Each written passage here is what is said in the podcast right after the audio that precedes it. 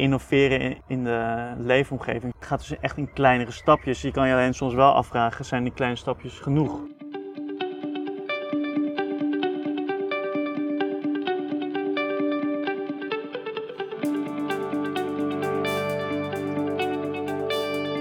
Leuk dat je luistert naar de podcastserie eh, van het boek De Strategie van de Kreeft. En tijdens een uh, reeks interviews ga ik, uh, Yusri Mandoer, samen met de mede-auteurs Dorien van der Heijden en Sven Turnhout op zoek naar bijzondere verhalen bij organisaties die net als de kreeft bezig zijn om een panzer af te werpen. Zodat ze ruimte creëren om te bouwen aan echte vernieuwing. En vandaag ben ik in gesprek met uh, Jesse Stalmers, Business Development Manager bij Antea Group. Maar als ik naar jouw LinkedIn profiel kijk, dan staat er ook wel opgave aanjager. Welkom uh, Jesse, leuk dat je in de podcast uh, bij mij bent. Kun je me daar meteen iets over vertellen? Opgave ja, aanjagen, waar moet ik dan aan denken?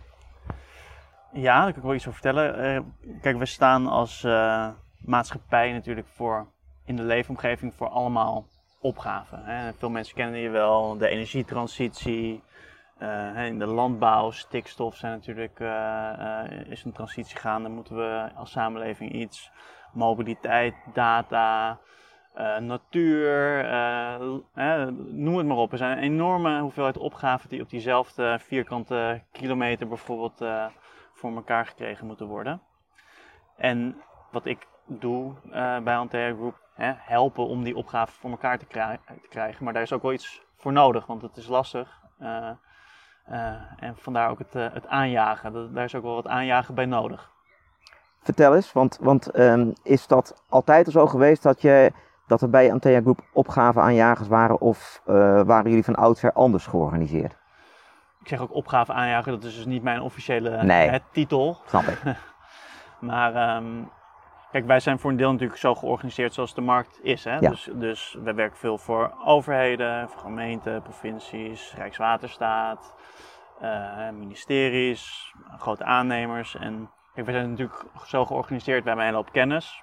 En die, die leveren wij aan die, aan, die, uh, aan die klanten om bij te dragen aan. Het kan het bouwen van een brug zijn, uh, het maken van een, van een visie voor een gemeente, op juridisch vlak. Het zijn allemaal, laat zeggen, vragen waar wij antwoord aan geven.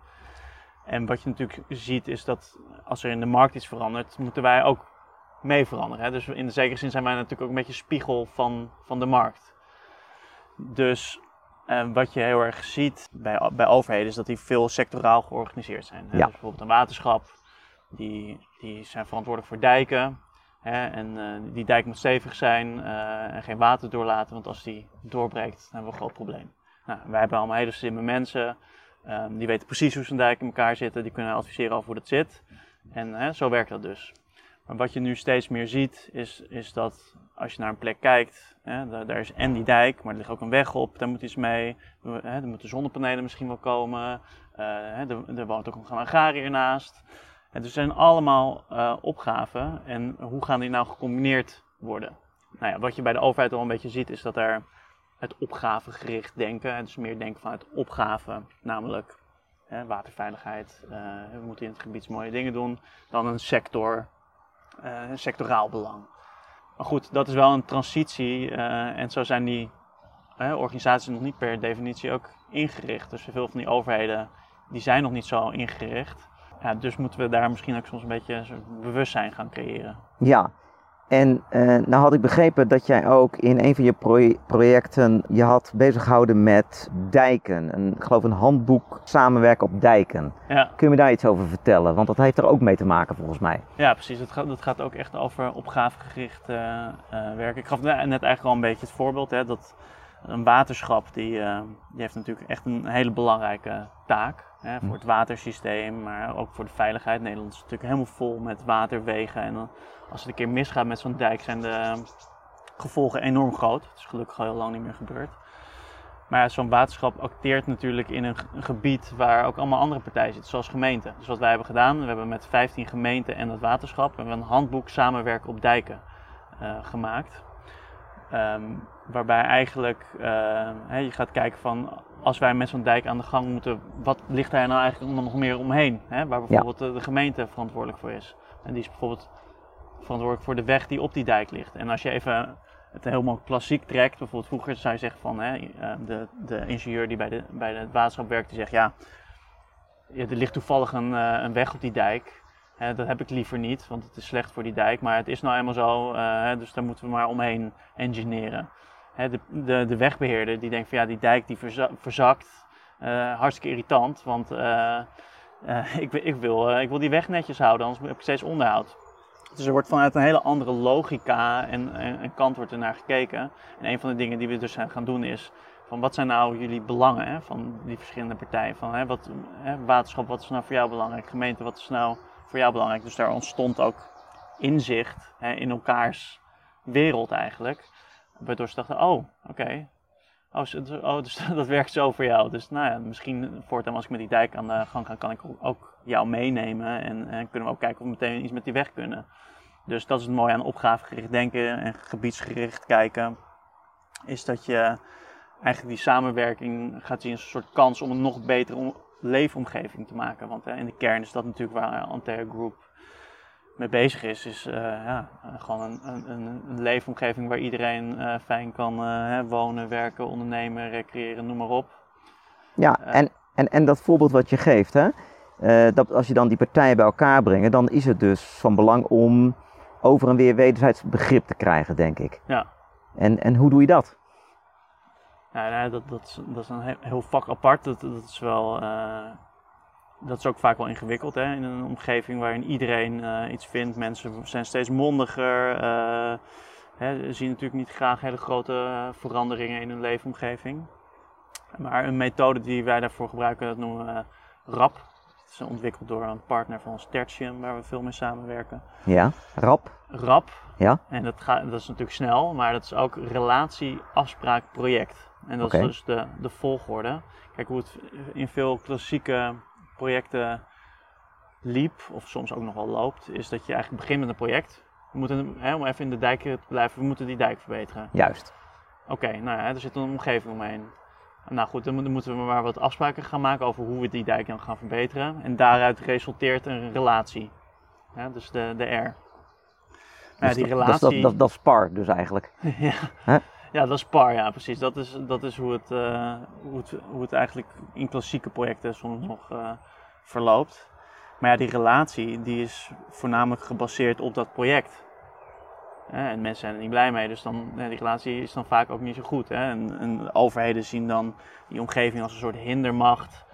De omgeving ziet de overheid als eh, een partij die gewoon maar wat doet en niet goed naar ze luistert. Dus er, daar ontstaat vaak een beetje onrust. Terwijl wij zeggen dus met de rapmethodiek, je moet het omdraaien. Dus eerst relatie, dan afspraken en dan het project. En die relatie dat gaat dus bijvoorbeeld ook over inzicht in elkaars belangen. Ja. Dus niet het standpunt van ik wil geen dijkverhoging, maar van hé, hey, wat is eigenlijk voor jou belangrijk? Nou, een belang is bijvoorbeeld, ik ben agrariër. Die weg die op die dijk ligt is voor mij de levensader van mijn onderneming. Als die open ligt, heb ik een probleem.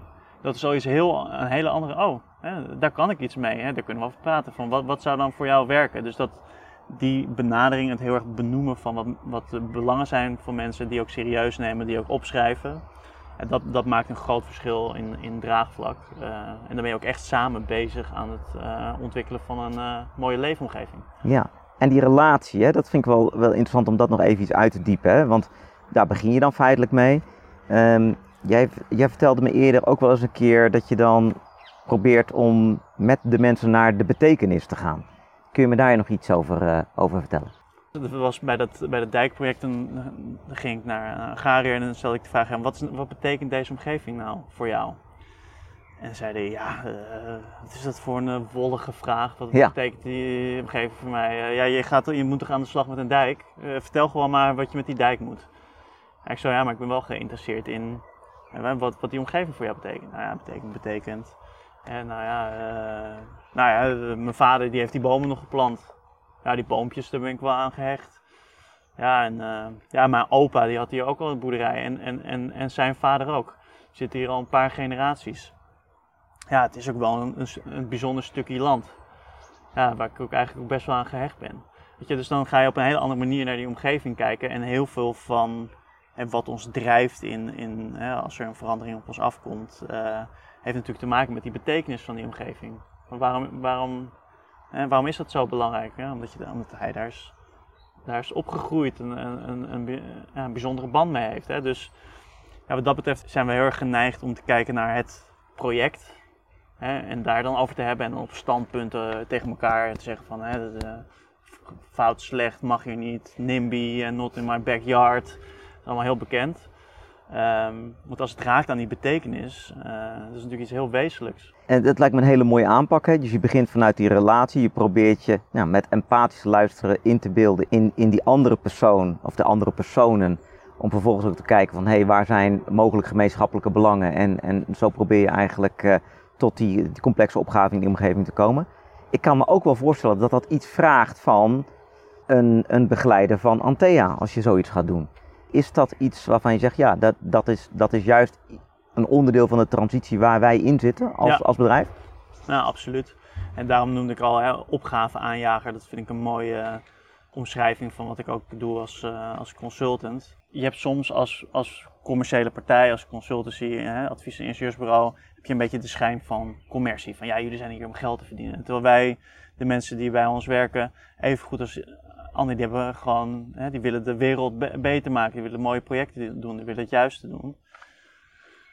Alleen ja, we zitten natuurlijk altijd in een afhankelijkheidspositie van ja. hè, dat we een opdrachtgever hebben. Precies. Dus dat, dat opgavegericht werken, kijk, wat wij steeds meer, of wat ik steeds meer probeer en wat wij ook wel doen, is dat we, dat we kijken naar welke partijen, hè, er zijn meerdere partijen hier bezig met zo'n, uh, met zo'n uh, betrokken bij zo'n opgave. En dat je eigenlijk in gezamenlijkheid met die partijen daarmee uh, aan de slag gaat. Dus dat je steeds meer iets meer, meer afstapt eigenlijk van de klassieke opdrachtgever-opdrachtnemer relatie. Maar dat je zegt van, nou ja, we hebben die opgave om de omgeving beter te maken. Dit zijn alle verschillende stakeholders, partijen en dat kunnen meerdere overheden zijn, marktpartijen.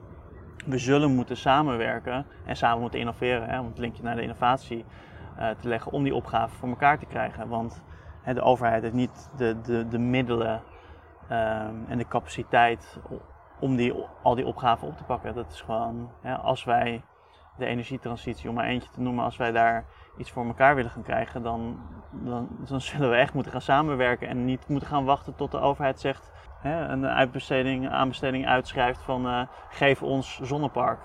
En we moeten wel iets beter met elkaar over gaan nadenken. En wat betekent dat voor, als je kijkt naar het portfolio van diensten die Antea Group biedt, mm-hmm. vandaag de dag, maar misschien ook over een aantal jaren vooruit? Hoe zie je dat mogelijk gaan ontwikkelen en wat is, wat is daar de opgave van? Nou ja, wat ik net al een beetje beschreef, is dat er, dat er dus een, eigenlijk een soort, ja, bijna een soort paradigma shift zou je het kunnen noemen. Hè? Dus een heel nieuw perspectief ook op hoe de overheid uh, dingen gaat aanpakken, meer vanuit opgaven en minder vanuit sectoren. Ja. Kijk, dat is natuurlijk iets waar, waar wij ook wel mee bezig zijn om daar een bepaald bewustzijn in hè, te, te creëren. Um, maar tegelijkertijd hè, moeten we ook gewoon op dit moment de vragen die we nu krijgen gewoon heel goed doen. Juist. Dus daar zit een balans in. En uh, nou ja, dat, dat, noemde jij in je boek ook, uh, of die tweehandigheid. Hè? Dus, dus dat je, en wat je nu, je, je kerncompetentie, wat je nu doet, doe je goed, maar hè, je gaat ook exploreren. Juist, dat geldt, geldt voor ons natuurlijk ook. Hè? Dus, dus wij zijn heel goed in wat we nu doen. We hebben ontzettend veel kennis uh, um, ook heel goed. Hè? Dus dat zijn hartstikke mooie, mooie jaren, dus het gaat, het gaat voor de wind. Ondertussen kijken we natuurlijk ook verder van, hey, waar, waar gaan we naartoe? Hè? Wat Ja. is er nou nodig in de toekomst om, eh, eh, om die opgave eh, voor elkaar te gaan, gaan boksen?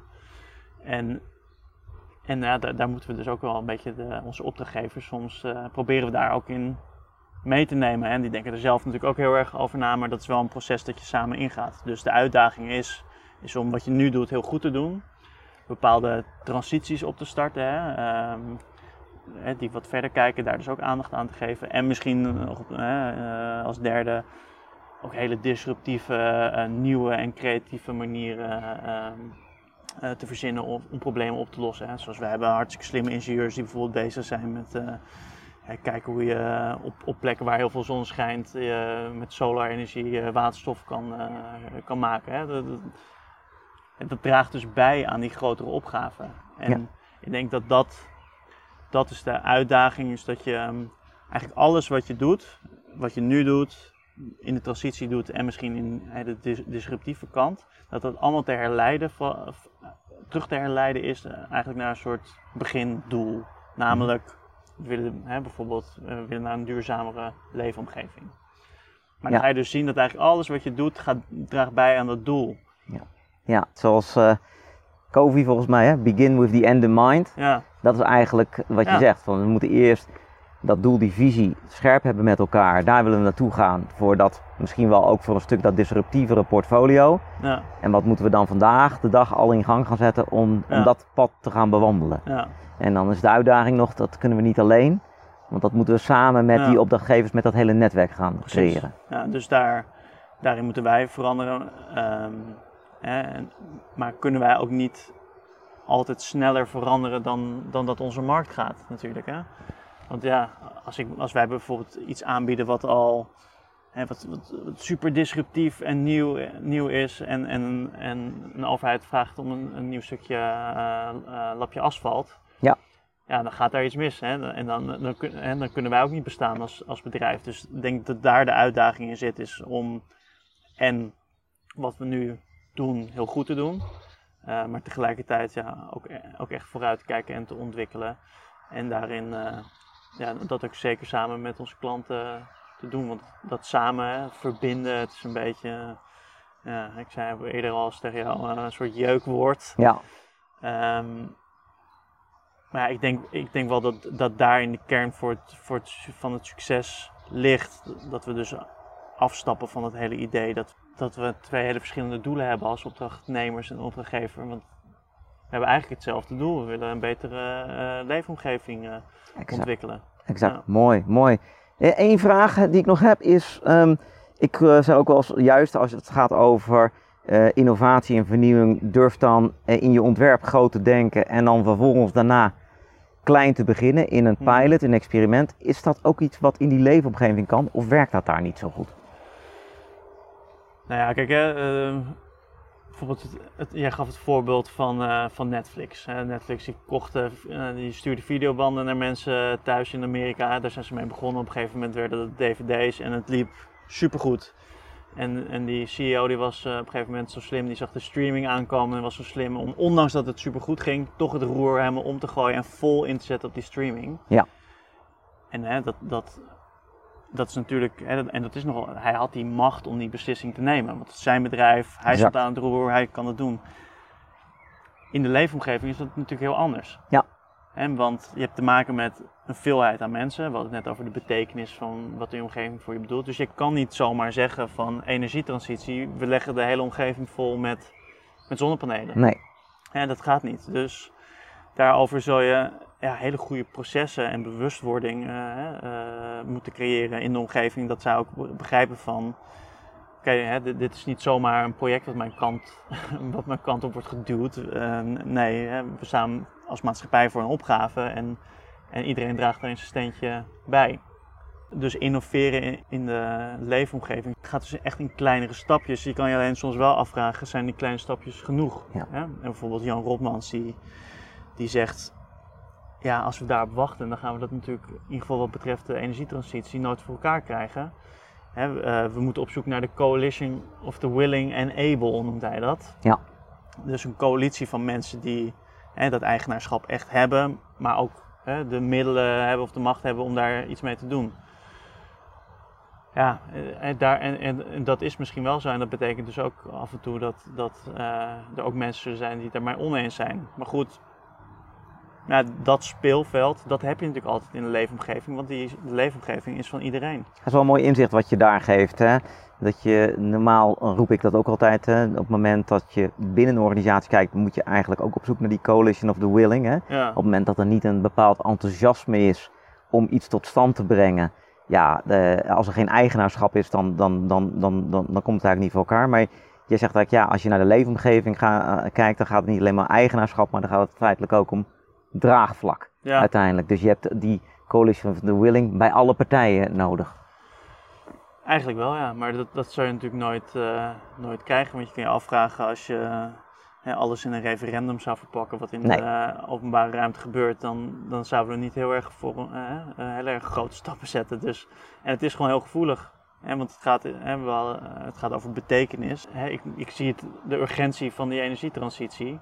Maar ik kan me natuurlijk best inbeelden eh, of inleven in iemand die eh, met slagschaduw van een windmolen te maken krijgt, dat hij daar iets van vindt.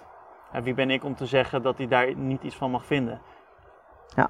Hè, dus waarbij je bij Netflix, om op dat voorbeeld terug te komen, kan zeggen van... Ja, het maakt mij niet uit dat 90% van de mensen nog niet klaar is voor streaming. Die 10% van de mensen, dat, eh, dat zijn al een, hè, een paar miljoen eh, eh, mensen. Daarop bouw ik mijn business case.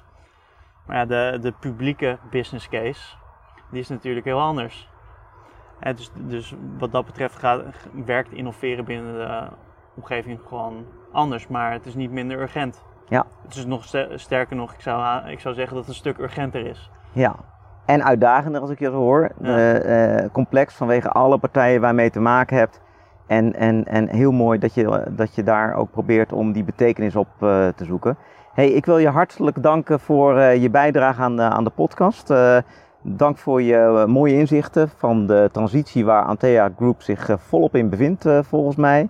En iedereen thuis bedankt voor het luisteren. Vergeet je niet te abonneren, zodat je ook alle volgende podcast afleveringen meekrijgt over de strategie van de kreeft. Tot ziens!